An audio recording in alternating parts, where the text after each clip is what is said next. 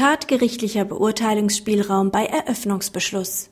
Das Oberlandesgericht Nürnberg beschäftigt sich mit der Frage, welcher Spielraum dem Tatgericht im Zwischenverfahren bei der Beurteilung des hinreichenden Tatverdachts zusteht.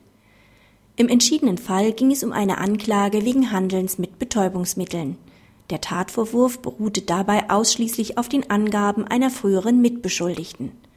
Das Landgericht hatte die Eröffnung des Hauptverfahrens mangels hinreichenden Tatverdachts abgelehnt, nachdem die Belastungszeugin noch im Zwischenverfahren einer besonderen Glaubhaftigkeitsprüfung unterzogen worden war.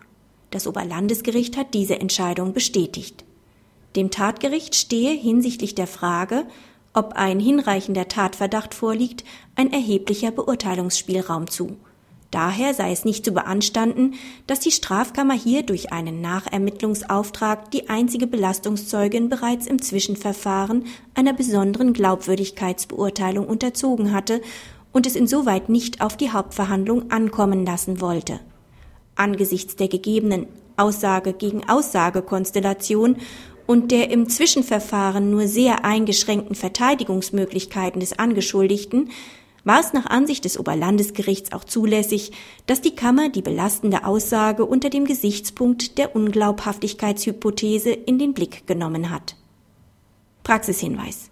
Die Nichteröffnung des Hauptverfahrens muss dem Angeschuldigten nicht immer zum Vorteil gereichen. Wegen der nur begrenzten Sperrwirkung des Paragraphen 211 StPO kann es für die Verteidigung auch sinnvoll sein, auf die Eröffnung des Hauptverfahrens hinzuwirken, um dort einen Freispruch zu erlangen, der einen umfassenden Strafklageverbrauch zur Folge hat.